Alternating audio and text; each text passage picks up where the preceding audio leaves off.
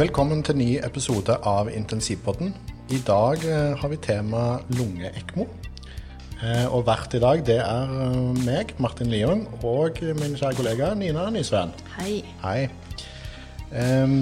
ECMO-programmet ved Rikshospitalet ble startet med behandling av lungesvikt i 1990, for ca. 30 år siden. Um, og i 1992 ble den første ECMO-behandlingen etablert ved eksterne sykehus. Og Pasienten ble da transportert til Rikshospitalet på ECMO i intensivområdet. Ja, og i dag har jeg fått med meg eh, to eksperter på dette her. Morten Svalbjørg, du er overlege i anestesi og jobber på Rikshospitalet og har god erfaring med ECMO. Og eh, Per Kristian Lundin, du er fagsykepleier ved generell intensiv 1 og har eh, vært med på mye ECMO-behandling helt siden 1999. Velkommen til dere begge to. Takk for det. Så først og fremst for de som, eh, oss som ikke har så mye kjennskap til ECMO, hva er egentlig en eh, ECMO-maskin?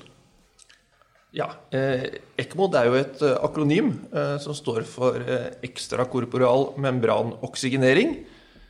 Eh, og det er altså en maskin eh, der man eh, via tykke kanyler i pasientens blodårer eh, tapper blod ut, kjører det gjennom en kunstig lunge, der man tilfører surstoff og fjerner eh, CO2, og så pumper man det tilbake inn i pasienten igjen. Og det kan konfigureres på forskjellige måter. Enten det vi kaller venovenøs ECMO, som brukes ved lungesvikt, som er det som er hovedtemaet i dag. Da både tar man ut og setter blodet tilbake på venesiden. Eh, men man kan også ta blodet ut fra venesiden og sette det inn igjen på arteriesiden. Eh, og da kan man støtte både gassveksling og sirkulasjon hos pasienten. Altså i prinsippet ta over både hjerte- og lungefunksjon. På venovenøs ECMO så tar man over bare lungefunksjon. Helt eller delvis. Da fungerer hjertet helt som det skal. På venovenøs ECMO så er man avhengig av at hjertet fungerer i hvert fall bra nok til å tilfredsstille kroppens behov. Og hva er på en måte indikasjonene for å bli lagt på ECMO, eh, når vi tenker på med lunge-ECMO, da? Eller venevenøs ECMO? Ja. eh, Da er det jo alvorlig respirasjonssvikt som ikke i tilstrekkelig grad lar seg eh, korrigere med bruk av eh, konvensjonell respirator. Eh, I de aller fleste tilfeller er det sånn. Eh, Noen ganger så brukes også ECMO istedenfor respirator på våken pasient, men det er unntaksvis og ikke noe vi på OUS har særlig mye erfaring med. Men hva, hvilke, hvilke, hva skal man si, hvor, hvor ille skal en respirasjonssvikt være før man vurderer ECMO? Altså, vil en pasient som kommer inn med en, med en kraftig pneumoni bli vurdert for ECMO, eller skal det mer til? Uh, Ja, eh, dette er det ikke fullstendig konsensus om eh, internasjonalt, og det avhenger av veldig mange eh, faktorer. Eh, men det, det brukes først og fremst ved veldig alvorlig oksygeneringssvikt. Eh, eller ved en alvorlig respiratorisk asidose acidose som ikke lar seg reversere med, eh, med respirator. Eh, og det fins forskjellige kriterier som er brukt eh, internasjonalt. Eh, den største og nyeste studien, randomiserte studien på ECMO, eh, ble publisert eh, i, eh, i 2018. Og da ble det brukt en grense på 10,10 eh, kilopascal eh, PO2 ved 100 eh, surstoff som en grense for, eller kriteriet for å legge på ECMO. Eh, Vi ser jo det at det er noen diagnoser som gjerne ofte kommer på ECMO. Vi hadde jo disse pasientene med svineinfluensa i 2010, 2009-2010. Og så hadde vi disse covid-19-pasientene. Var det mange av covid-19-pasientene som var lagt på ECMO? Nei, på Rikshospitalet så hadde vi én pasient som ble behandla med ECMO av covid-19. Ja, siden de var jo liksom skikkelig lungesyk. Men det var ikke flere som ble lagt på, altså? Nei, i, både i Sverige og i Danmark er det flere av de covid-19 som er lagt på ECMO. Eh, Rikshospitalet lagde jo veldig tidlig en, eh, ja, en egen prosedyre hvor man satte kriterier for hvilke pasienter som eh, eh burde kunne tilbys ECMO under covid-19. da. Og det var jo forholdsvis eh, strenge kriterier ut ifra at man var redd for at det skulle bli en uhåndterlig situasjon. Veldig mange pasienter eh, totalt sett som, som kom inn. Um, og ELSO, som er en internasjonal organisasjon som um, For ECMO. For ECMO, som jobber med å samle erfaring med ECMO-behandling de har også på en måte laga eh, kriterier for eh, hvem som bør velges ut til ECMO-behandling eh, når man hadde covid-19. Som gikk litt på hvordan var ressurstilgangen, eh, hvor mange pasienter var det som var inne i en avdeling til enhver tid. da. Mm. Så man tok det med i betraktningen. Mm. Men Morten, er det noen absolutte grunner til at man ikke skal på ECMO?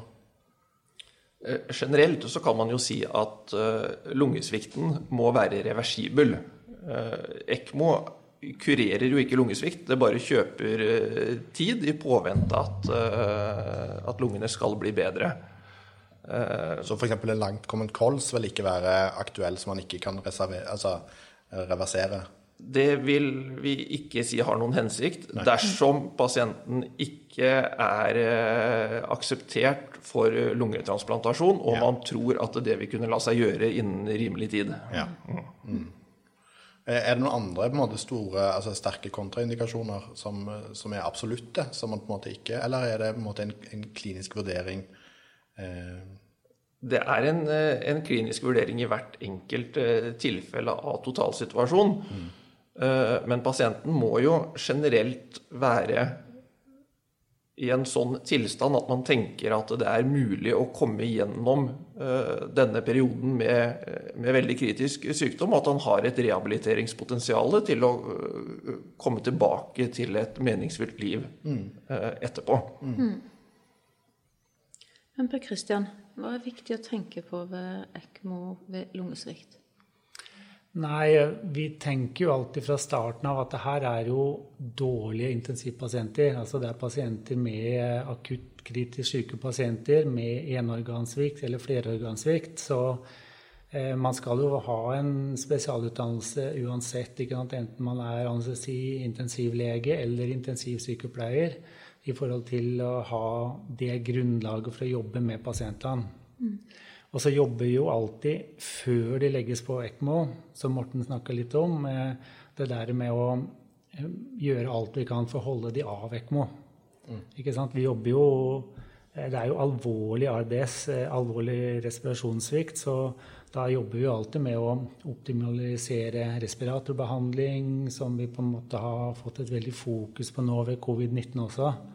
At man skal ha en lungeprotektiv ventilasjon, lave tidalvolumer, eh, lave topptrykk, eh, en titrert riktig pipverdi. Man skal ha jobba med riktig nivå av sedering.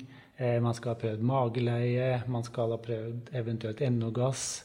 Jobba seg gjennom de vanlige tiltakene, som er på en måte en, en, en, jobb man gjør som intensivlege, intensivsykepleier Eh, i utgangspunktet. Det er standardbehandlingen før du kommer til ECMO? Ja. ja. Eh, og den har man jo også med seg når man kommer inn og jobber med ECMO-pasienter. Mm. Eh, det er jo pasienter med da enorgansvikt eller flerorgansvikt. Og så vet man det at når pasienten blir lagt på ECMO i tillegg, så er jo hovedmålet for jobben å holde ECMO-maskina i gang. For pasienten klarer seg jo da ikke uten ECMO. Mm. Så det å hele tida jobbe, observere, gjøre vurderinger eh, slik at den eh, holder seg i gang, eller lære seg Eller man må kunne eh, gjøre problemløsning hvis du får alarmer, hvis maskinen stopper opp. Og du må vite litt om komplikasjoner og jobbe for å forebygge alle de komplikasjonene man kan, som kan oppstå ved ECMO-behandling. Mm. Men, men liksom, for de som ikke kjenner så godt til ECMO, hvorfor legger man ikke bare alle pasienter på ECMO? Det høres jo veldig fint ut. Altså, hva er grunnen til at man er så restriktiv? Eh, det høres veldig fint ut, og det er veldig fint i den forstand at man får til, eh, så sant på en måte systemet fungerer teknisk eh, sånn som det skal, og det, det får vi stort sett til, så får man til å, å bedre blodgasser i betydelig grad. Men dessverre så er det sånn at det er en betydelig risiko for komplikasjoner. Mm. Man kjører jo et stort blodvolum ut av pasienten og eksponerer det for kunstige overflater. Hvor stort blodvolum snakker vi om som går på en måte ut av kroppen? Eh, vi snakker om eh, tre, fire, fem liter eh, i minuttet. Ja, det er, det er mye. Det er mye. Så det er mye blod som blir eksponert for kunstige overflater. Eh, og det aktiverer koagulasjonssystemet, eh, inflammasjonsreaksjoner. Eh, man er avhengig av antikoagulasjon.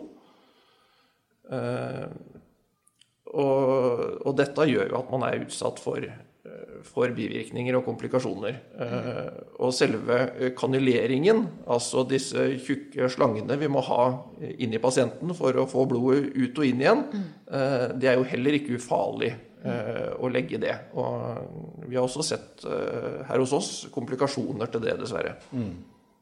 Og, hva type, altså Da er det akutte store blødninger som da skjer, eller perforasjon av store kar? Ja, det har vi sett. Ja. Mm. Eh, hva, når pasienten først er etablert med ECMO, altså, hva man, hva, hva, er det man gjør praktisk da videre når man ligger på en ECMO-maskin? Nei, vi har jo en eh, vi har jo på en måte faste rutiner, faste prosedyrer for hvordan vi jobber med de pasientene her. Igjen så er det her en intensivpasient som vi må gjøre de vanlige observasjonene og vurderingene vi gjør med alle, alle intensivpasienter. Når det gjelder eh, Vi har en del andre strukturer eh, som sykepleierne også jobber med i alle vaktskifter.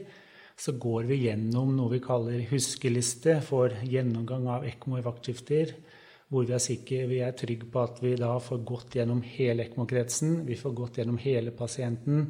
Vi får trykka på ECMO-maskina, slik at man vet hvilke alarmverdier som er innstilt. At man eh, minner hverandre på hvordan problem løser man hvis eh, maskina stopper av ulike årsaker. Mm. Alt det går man gjennom i alle vaktskifter. Man går gjennom nødprosedyrer. Ehm, man bruker en lommelykt og går over hele ECMO-kretsen for å se etter eh, koageldannelser og Luft? Kan det komme luft inn, eller? Luft er en av de store problemene, eller en av de komplikasjonene som kan oppstå under kjøring. ja. Både at ECMO-kretsen seg sjøl lager luft, eller det at eh, når vi gir medikamenter gjennom sentrale venekatetere, så kan man faktisk eh, kan, kan, det bidra til at det går luftbobler inn i, i ECMO-kretsen og pasienten også, faktisk. Mm. Eh, ellers så, men vi går over hele ECMO-kretsen. Slanger, eh, oksygenator. Eh, vi ser på kanyleposisjon, om kanylene er suturerte. Og vi prøver å merke kanyler og hud, slik at vi ser at kanylene ikke har flytta på seg, at de ligger på Eh, samme sted som de pleier å gjøre. Og vi, vi ser at vi har utstyr, altså tenger, eh, tilgjengelig hvis man må klemme igjen ECMO-kretsen og, og, gjennomføre en nødprosedyre. Det er, det, er, ting vi gjør i alle vaktskifter. Mm. Og I tillegg så kommer jo da de normale observasjonene som vi gjør kontinuerlig eller, eller hver time. Jeg vet ikke om vi skal komme noe ja. inn på de også. Men for jeg tenker, Pasienten er helt avhengig av denne maskinen som regel. Det er derfor de ligger på, på ECMO. Hva, hva, skjer på en måte hvis maskinen stopper? Altså Hvis en respirator skulle stoppe, så kan man alltid ta fram en bag og mm. håndventilere pasienten. Hva gjør man her da hvis, hvis maskinen stopper? Av en eller annen grunn? Det er jo litt avhengig av hvor, eh, hvor dårlig er pasientens lungefunksjon. Mm. I verste fall så er det ingen, ingen funksjon i det hele tatt på lungene. Vanligvis i friske lunger har jo en 500 ml i tidalvolum. Her kan det være lunger som har 10 og 20 og 30 ml som, eh, som, går inn og ut. At det kun er respiratorslangen respiratorslangene som ventileres. Så mm. da er du helt avhengig av å få ECMO-maskina i gang igjen så fort som mulig. Og da snakker vi minutter, ikke, ikke timer. Ja, minutter Ja, maks, maks minutter. Ja, ja.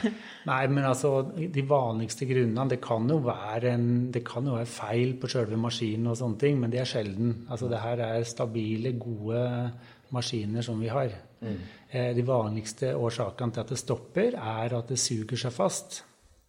Eh, det skjer jo gjerne i forbindelse med at vi prøver å trekke de pasientene her for væske. Det er en del av behandlinga når du har ARDS, lungesvikt. Mm. Du skal ha de tørre. Mm. ECMO-pasienter trenger i utgangspunktet å være godt fylt for å kunne opprettholde en god flow. For at det skal være lett å trekke blod ut av kroppen og inn mm. gjennom ECMO-maskina. Så det at da kanyler suger seg fast, at vi må jobbe for å på en måte få i gang igjen eh, eh, flowen i ECMO-kretsen. Det er det, det, vanligste. Det neste er at det kan komme luft inn i ECMO-kretsen. Og det skjer mm. også i perioder. Og vi har luftdetektorer som da mm, som alarmerer og sørger for at det stopper. Og da må vi kunne, enten, da må vi kunne få i gang igjen maskina, enten fjerne luft eller eh, observere og se at den luftmengden som er der, ikke er til fare for pasienten, og eventuelt blir borte da i eh, selve oksygenatoren. Mm. Men Morten, hvis det, hvis det, begynner å klotte, da, eh, og man ikke på en måte ser at denne kretsen begynner å bli dårlig, hva gjør man da? Ja, I de fleste tilfeller så får man eh, et forvarsel om at eh, kretsen er i ferd med å eh, klotte, som vi sier. Altså koagulere og, og gå tett, og derfor stoppe. Ofte så kan vi se det på at uh, trykkene gjennom oksygenatoren stiger, eller vi kan se klotter når vi undersøker slangene og sånn. Mm. Så i de fleste tilfeller så, så, har man litt tid på seg, og vi kan bytte kretsen på en planlagt og kontrollert måte. Bytte sett, altså? Da bytter vi settet, ja. Da setter vi opp en helt ny maskin som er klar, og så kobler vi den på de kanylene som pasienten eh, har. Men vi bytter ikke kanylene inn i pasienten, det er det veldig sjelden at vi trenger å gjøre. Men Stopper man da den maskinen og lar pasienten ligge uten ECMO, eller kjører man på en måte parallellkjøring her, eller? Nei, en veldig kort stund så må man stoppe maskinen. Ja. Men, uh, men, det byttet i trenede hender, så kan det gjøres på under et minutt. Så det går, uh, det går fint. Ja. Men jeg tenker på blodtrykket til disse pasientene. Er det høyt? Jeg tenker på altså Hvis du ligger og er avhengig av dette, hvordan blir hodet etter en sånn behandling? Ja, altså Selve observasjon observasjon, overvåkning av de pasientene her, det, da, da, jobber jo med blodtrykket på vanlig måte. Hvis man ligger med en veno-venøs ECMO, så er det jo hjertet sjøl som må pumpe blodet rundt i kroppen. Mm -hmm. Eh, og da, da, da behandles eh, behandler man jo blodtrykket på samme måte som hos andre intensivpasienter. Man regulerer. Hvis det er for lavt, så gir man medikamenter for å heve blodtrykket. Hvis det blir for høyt, så må man jo gi medikamenter for å senke blodtrykket òg, i og med at man får mye blodfortynnende, mm. og at man vil unngå at man får en hjerneblødning, f.eks. Mm. Mm. Så de kan ligge med et vanlig blodtrykk, da, og ikke noe de får senskader av det? Ikke selve blodtrykket, ja. men det er jo sånn Perfusjonen til hjernen og Ja, men det er jo sånn, Morten, at man har jo gjort Det finnes jo en del studier på hvor man har undersøkt hvordan går det med ECMO-pasienter i ettertid. Hvor man også har, vurderer eh, kognitiv funksjon og om de, har, om de har fått noen skader av selve behandling, da. Mm. Ja, det fins. Eh, men eh, i observasjonsstudier så ser man jo at uh, man har varige skader etter å ha vært kritisk syk. Ja. Det er litt uavhengig om man uh, har ligget på ECMO eller ikke. Ja. Og skille hva som er et resultat av å ha vært veldig syk, og hva som har vært på ECMO, mm. det er jo vanskelig hvis man ikke gjør randomiserte studier. Mm. I de randomiserte studiene som har vært, så er det ikke så mye som tyder på at man har mer av disse problemene når man blir lagt på ECMO, eller hvis man er like syk og blir håndtert på tradisjonell måte med, med respirator uten ECMO. Mm. Mm. Det man ser mer av, det er blødningskomplikasjoner. Eh, blødning eh, der disse kanylene går inn i pasienten, det er veldig vanlig. Eh, ofte lar det seg håndtere. Men det fins også tilfeller av mer alvorlige blødninger. Og det mest katastrofale er jo ofte når man får det i sentralnervesystemet. Mm. Ja. Mm. Men er det mange som blir lagt på ECMO i år hos dere, eller? Det er, ikke, det er, jo ikke, mange. Når vi snakker om ven- og venøs ECMO-er, så ligger vi jo på ca. ti pasienter i, i, året. Altså mm. lunge-ECMO. Mm. Vi hadde vel ni pasienter i fjor og sju pasienter i de to åra før der. Og så var vi vel oppe i 14 pasienter i 2013. Og rundt svineinfluensaperioden 2009-2010 så var vi vel oppe i ni, mm. ni pasienter. Mm. Mm. Det er ikke mange, da. Men uh, har dere mange ECMO-maskiner? Hvor mange ECMO-maskiner er det Rikshospitalet eller OS har? Er det åtte eller uh... Ja, jeg trodde det var sju, men det kan godt hende at det er åtte fordelt på både Rikshospitalet og Ullevål. Ja. Mm. mm. ja. det er ikke jeg sikker på hvor mange det er, men det er, eh, det er ikke ubegrensa i hvert fall. Nei. Hva er den største utfordringen med å legge pasientene på, på ECMO? Er det på en måte det kirurgiske inngrepet, eller er det på en måte logistikken rundt og infrastrukturen som må til? Altså en av grunnen, altså Det å legge pasienter på, på ECMO Morten har jo snakka om komplikasjoner. Mm. Eh, når det gjelder rundt, så er det jo, eh, det er jo veldig ressurskrevende behandling. Det er også noe som må tas med i betraktning. Eh, du trenger eh, eh, Du trenger å være mange personer involvert. Du er thoraxkirurg, man er perfusjonist, man er intensivlege, det er to intensivsykepleiere, man er avhengig av radiologi, man er avhengig av røntgen eller, eller, eller, laboratorier. Mm. Man er avhengig av uh, ja, altså mange støttefunksjoner. Mm. Og, og gjerne døgnet rundt, da. Det er behandling som går døgnet rundt. Så det, er, det, er, ressurskrevende behandling. Eh, kostbart òg? Ja, det er kostbart, og det, det krever mye personell he, hele døgnet. Da. Det er vel det som også um, gjør at uh, mange mindre sykehus uh, liksom får et problem hvis man har pasienter som blir liggende over lang tid. Mm. For det er jo ikke bare OS som driver med dette. her, Det er jo flere av, eller de, kanskje alle de store sykehusene i Norge som har et tilbud om ECMO, eller?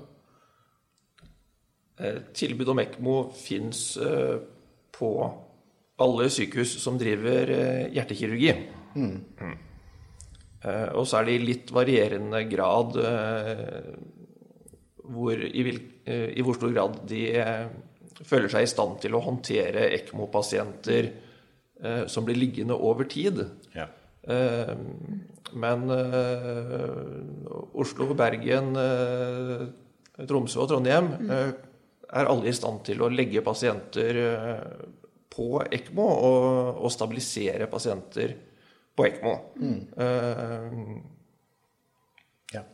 Men du må jo ha en del spesialkompetanse for å drive med dette. Per Kristian, kan hvilken som helst intensivsykepleier jobbe med dette, eller?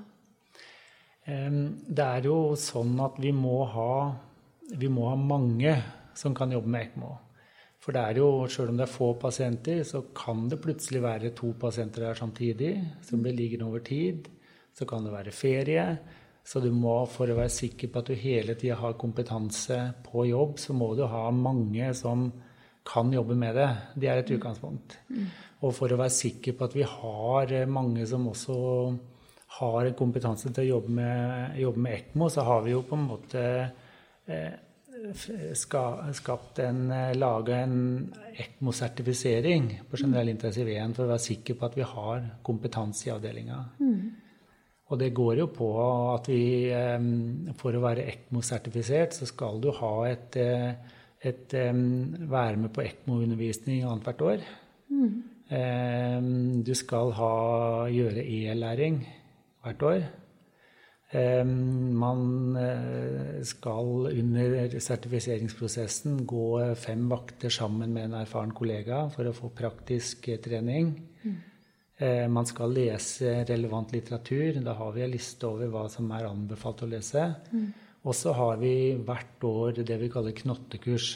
Dvs. Si at alle må være med på knottekurs, en to timers eh, kurs, hvor man rett og slett eh, lærer seg eller repeterer problemløsning og det å sitte og trykke på ekkomaskiner for å være kjent med, med, hvor man finner fram og hvordan man løser problemer. da. Mm. Og for legene dere har altså Det er kanskje erfarne, primært erfarne overleger som, som gjør eller som driver med ECMO-behandling? Eh, ja. Eh, det er alltid erfarne overleger som er eh, involvert både i beslutningen om man skal legge på ECMO, som er det jeg egentlig syns er det mest krevende. Å håndtere det rent teknisk, det får vi stort sett til ganske bra. Mm.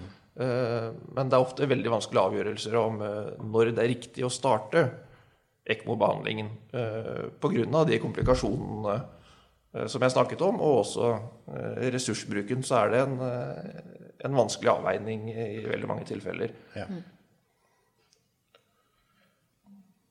Um, sånn rent uh, politisk da, eller internasjonalt, bør vi drive med mer eller mindre ECMO-behandling, eller har vi på en måte funnet et nivå som, som er passelig for Norge?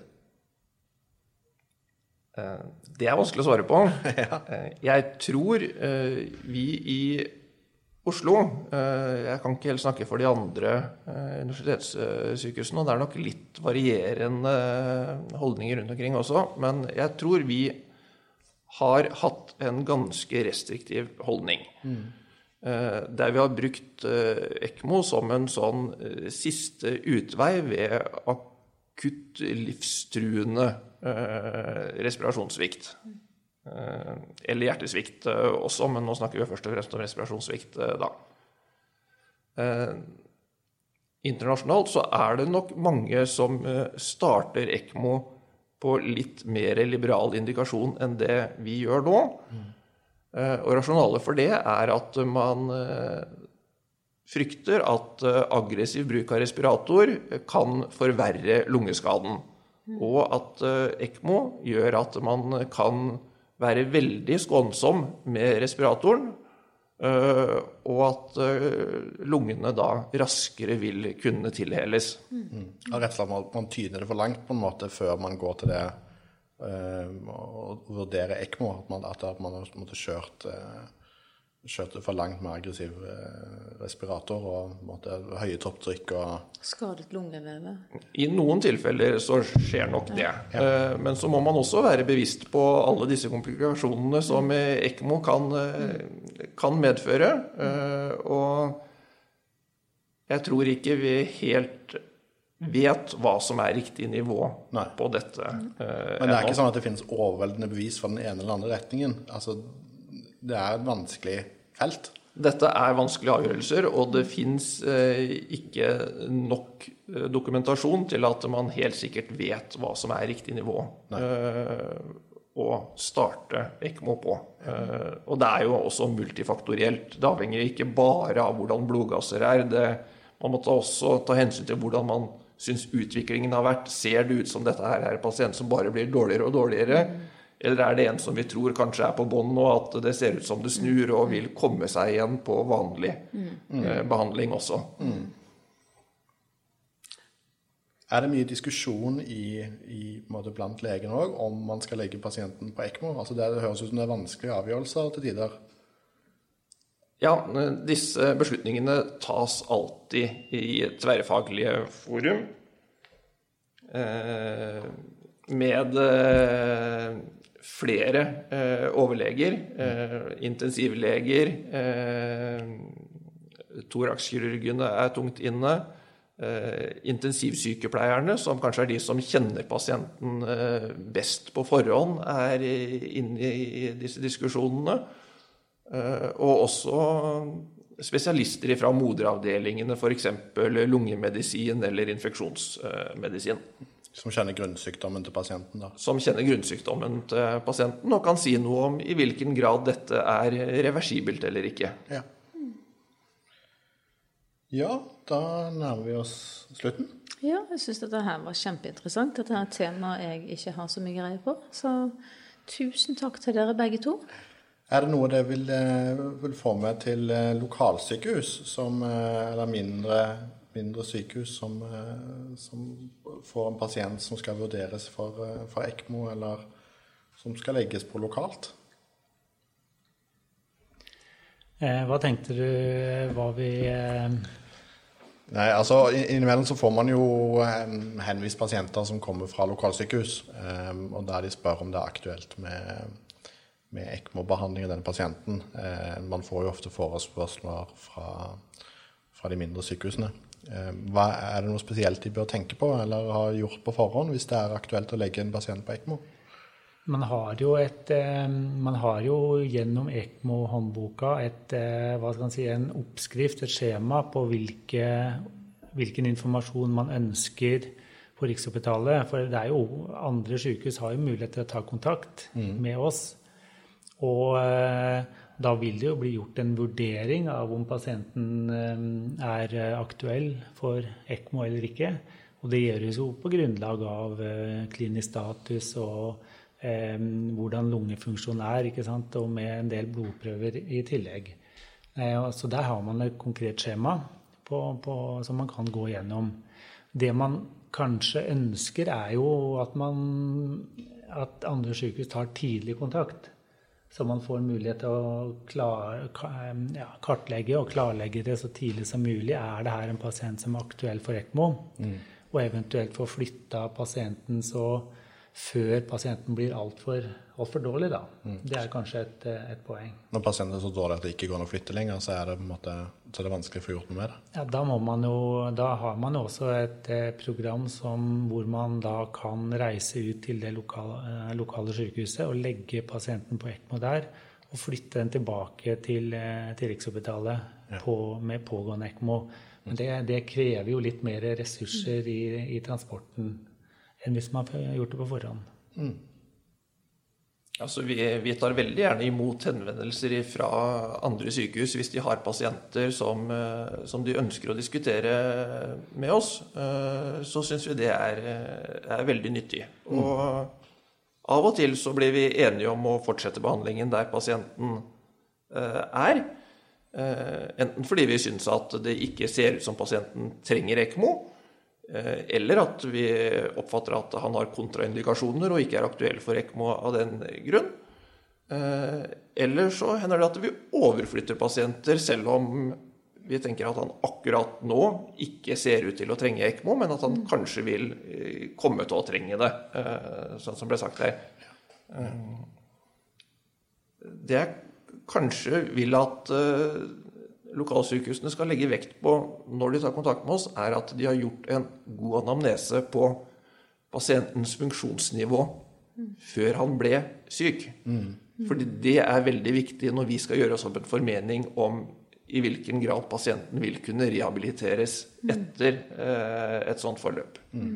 Fordi man tar en ganske stor risiko på pasientens vegne når man vurderer ECMO? Eh, man gjør det. Og vi bruker veldig mye ressurser som vi har et ansvar for å forvalte på en eh, nøktern og god måte. Mm. Er det noe dere vil legge til til slutt?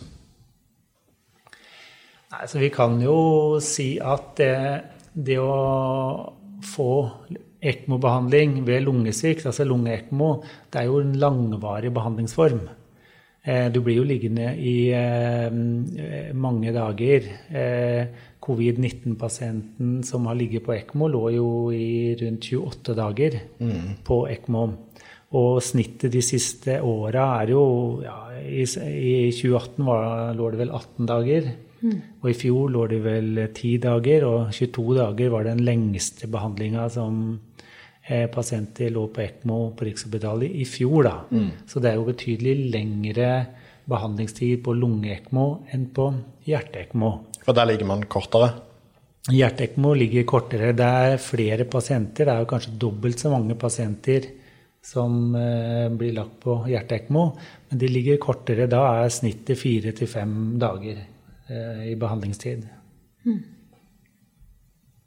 Ja, så kan jeg jo, jo legge til at uh, totalt sett uh, så, så, telte jeg opp og så at vi hadde 57 uh, ECMO-tilfeller i 2019 på OUS totalt.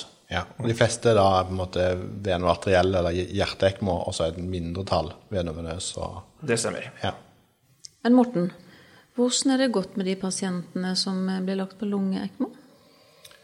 Eh, hvis han ser på resultatene fra OUS de siste årene, så har vi veldig god overlevelse eh, av pasienten som er lagt på, på lungeekmo. Eh, det er små tall, så man skal ikke legge altfor mye i det, men de siste årene så har vi hatt overlevelse på, på godt over 70 mm.